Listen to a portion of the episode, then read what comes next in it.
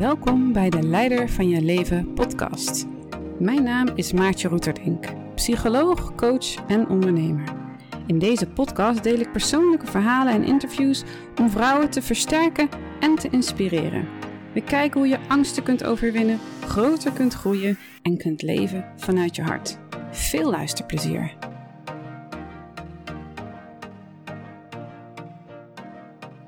Hoi allemaal en deze keer een podcast op verzoek.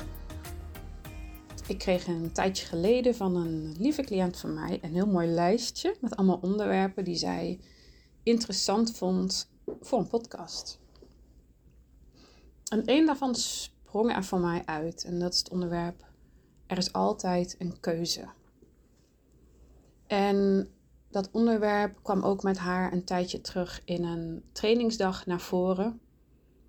En ik zag dat meerdere mensen daardoor waren geraakt bij het thema. Er is altijd een keuze, er is altijd ruimte.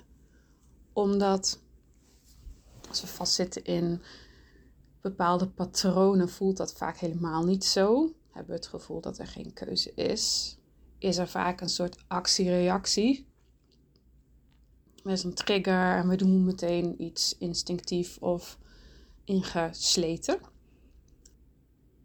En veranderen van patronen en gedrag maakt dus dat we nieuwe routes moeten kiezen. En voelen dat dat ook mogelijk is. Ehm, en wat mij heel erg heeft geraakt, ik weet niet meer precies wanneer het op mijn pad kwam, volgens mij via een collega, was een quote van Viktor Frankl. Volgens mij heb ik hem niet eerder genoemd in de podcast, maar ik pak hem daar even bij. Die is in het Engels. Quote gaat zo: Between stimulus and response, there is a space. In that space is our power to choose our response. In our response lies our growth and our freedom. En ja, toen ik die voor het eerst hoorde, was ik heel erg onder de indruk. Omdat ik dacht, ja, dat is eigenlijk mm, wat mindfulness ook is.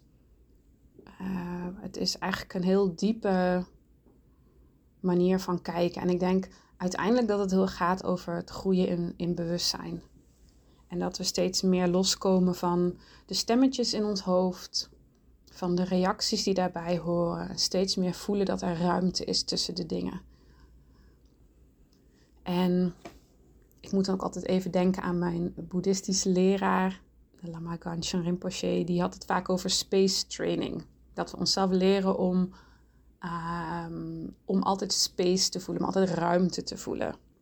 Ja, als je kijkt op een heel diep niveau, dan zeggen ze: oké, alles, alles is eigenlijk gewoon ruimte. Alle atomen, elektronen, het is allemaal ruimte. Het is niet zo vast als wij het waarnemen.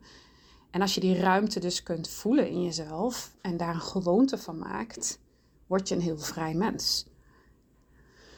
Um, maar goed, heel veel mensen leven natuurlijk helemaal niet zo, leven helemaal niet vanuit ruimte en leven vanuit vastzittende patronen. Dus hoe, hoe ga je nou van een vastzittend patroon naar ruimte voelen, naar keuzevrijheid voelen? En die vraag ga ik uh, hopelijk beantwoorden in deze podcast. Ik denk dat het begint vooral bij, bij het omgekeerde. Het gevoel dat er geen ruimte is. Het gevoel dat, het, dat niks anders mogelijk is. Een gevoel van klem zitten, van vastzitten. Volgens mij zei ik dat toen ook in die training. Dat ze eigenlijk een rode vlag moeten zijn. Als je dat voelt, dan weet je, nu moet ik opletten. Want nu zit ik waarschijnlijk vast in een patroon. Ben ik geraakt in iets en uh, ja, reageer ik op de automatische piloot. Bijvoorbeeld, je hebt een, vrije avond voor jezelf bedacht. Ik zeg maar wat. Uh, een relaxavond en iemand belt je op. Hey, zullen we zo, zo gaan doen? En je had je ontzettend verheugd op een avondje met jezelf. Maar je wilt die ander niet teleurstellen. En in een impuls zeg je: Oké, is goed, doen we. Ja, dan gebeurt dan iets. Dat moment heb je iets voorgenomen. Je wilde iets voor jezelf doen. Maar er gebeurt iets anders. Je raakt getriggerd um, door het verzoek. En je denkt misschien ik mag de ander niet teleurstellen. Of ik mag, moet voor anderen, anderen zorgen. Of wat het ook is. Het kan zijn dat je het oprecht leuk vindt, maar dan is de keuze als het goed is vrij en voel je je ook vrij.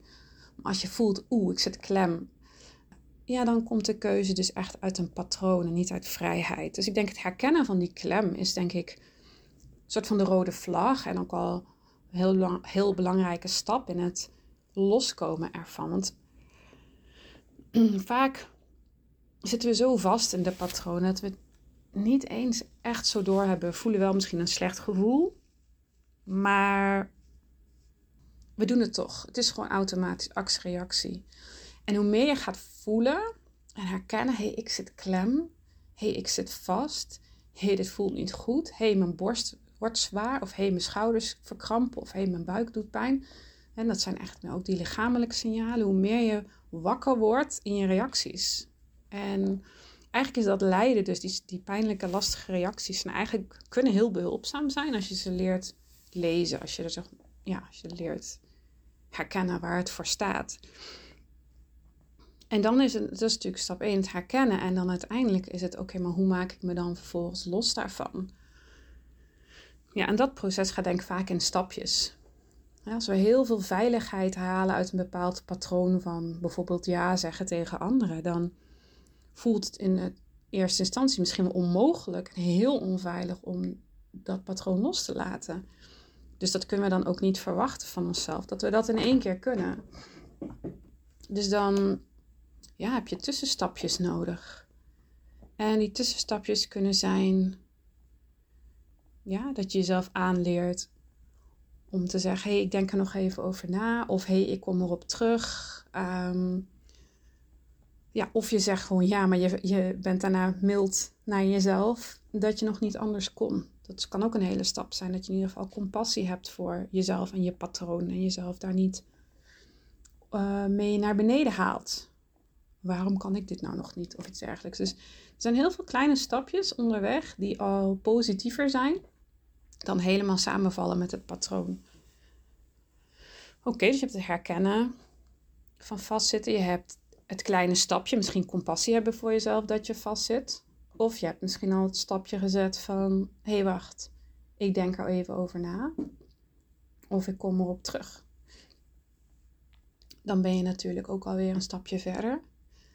En ze zeggen wel eens in de, in, in de therapieopleiding, in ieder geval die ik heb gevolgd, dat een uitspraak was, een bekende uitspraak was, in het Engels, neurons that fire together, wire together. En dat is een hele belangrijke uitspraak. Betekent dus neuronen die samen vuren, die uh, wire together, dus die, die bedrading wordt sterker. Dus als jij duizend keer in je leven je grens over bent gegaan, dan is dat en je zegt altijd ja als een ander iets van je wil, zonder jezelf te raadplegen, dan is dat een hele sterke connectie geworden. Een hele sterk pad geworden in je brein. Dus dat is niet in één keer zomaar omgezet. Maar als jij in staat bent om te zeggen: hé, hey, ik denk er even over na, of ik kom er bij je op terug, dan ben je alweer een nieuw pad aan het maken. Nieuwe neuronen die vuren, een nieuwe reactie die zich vormt, een nieuw pad dat zich kan inslijten. En met alles is het zo, oefening baart kunst. Dus hoe, hoe vaker je het doet, hoe makkelijker het wordt.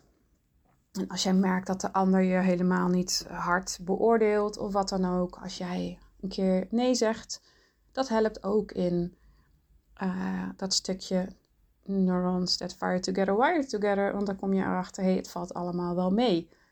Um, als ik dit zo aanpak. En je kunt natuurlijk op een gegeven moment op het punt komen dat je gewoon heel erg in touch bent met jezelf, heel erg in contact bent met je authentieke zelf en gewoon voelt nee is nee en ik zeg dat en dat is geen probleem. Ik voel dat, ik handel daarnaar, ik ben congruent met mezelf in één lijn. Ja, en dan ben je eigenlijk wat dat stukje betreft natuurlijk voltooid in de zin van je hebt je, hebt je vrijgemaakt. En dat betekent waarschijnlijk dat je al misschien dat honderden keren hebt gedaan en daar dus ook weer neurons that fire together, wire together, een nieuw pad hebt aangelegd waar je je nu heel comfortabel in voelt. Of misschien kan het zijn, uit mijn eigen ervaring weet ik dat het lang kan duren voordat zo'n misschien een ongemakkelijk of een schuldgevoel echt helemaal weg is, maar dat het zeker wel mogelijk is. En als er nog kleine restjes blijven, is dat gewoon iets dat uit moet slijten. Dat je steeds meer vertrouwd raakt met je authentieke keuze. En het bijzondere is van die, die Victor Frankl, waar die quotes van komt. Misschien ken je hem misschien niet. Ik heb zelf nooit, nog nooit een boek van hem gelezen, zou ik eens moeten doen. Maar hij was dus een. Ik had het net even opgezocht, moet ik het even goed zeggen. Hij was een neuroloog en psychiater uit Oostenrijk. Maar het is dus iemand die de Holocaust heeft overleefd. Die heel veel familie ook heeft verloren in de Tweede Wereldoorlog. Maar dus ook iemand die in staat was om in de meest afschuwelijke situatie ja, dat om te kunnen zetten naar iets, iets positiefs. En dat maakt natuurlijk deze man heel uniek. Uh, want wat ik nu zeg, dat voorbeeld klinkt misschien heel ja, banaal of makkelijk voor sommigen. Maar voor, ik weet dat dat voor sommigen ook helemaal niet makkelijk is. Maar deze man kon het dus inzetten in de meest extreem, ja, gewelddadige, onmenselijke situatie.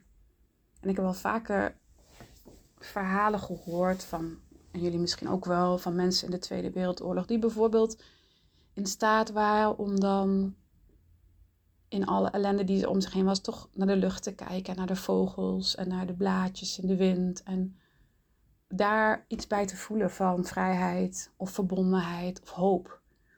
Omdat ze in staat waren om hun energie te richten op iets positiefs en om niet helemaal verstrikt te raken in het lijden om, om, hem, om hen heen.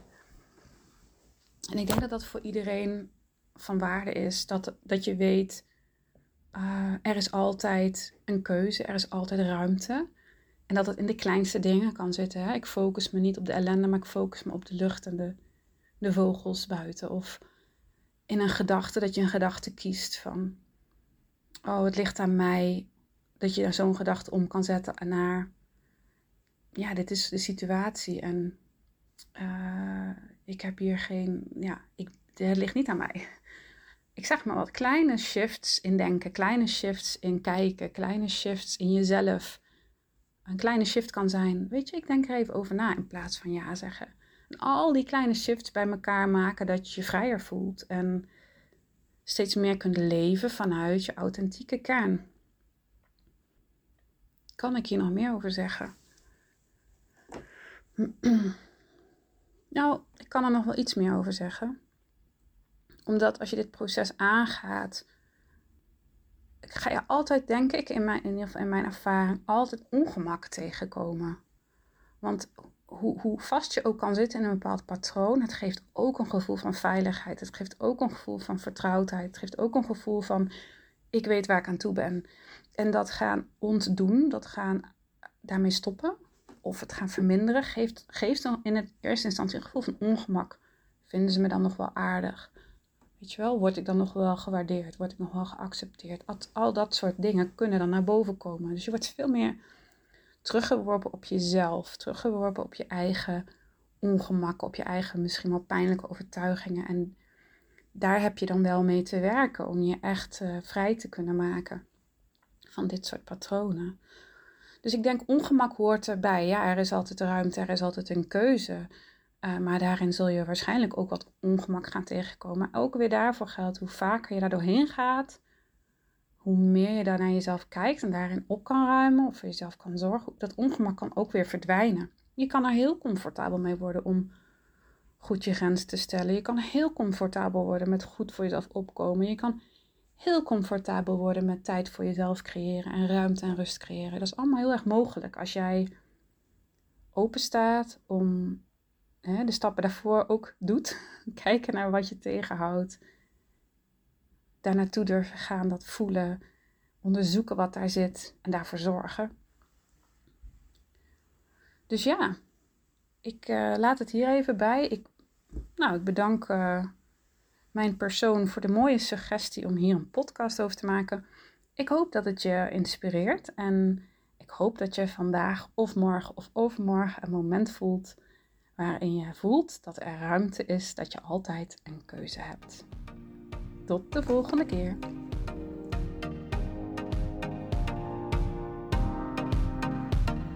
Heel erg bedankt voor het luisteren. Wil jij meer weten? Op www.leidervanjeleven.nl kun je eenvoudig mijn e-book downloaden. Scroll onderaan de pagina en vul je gegevens in.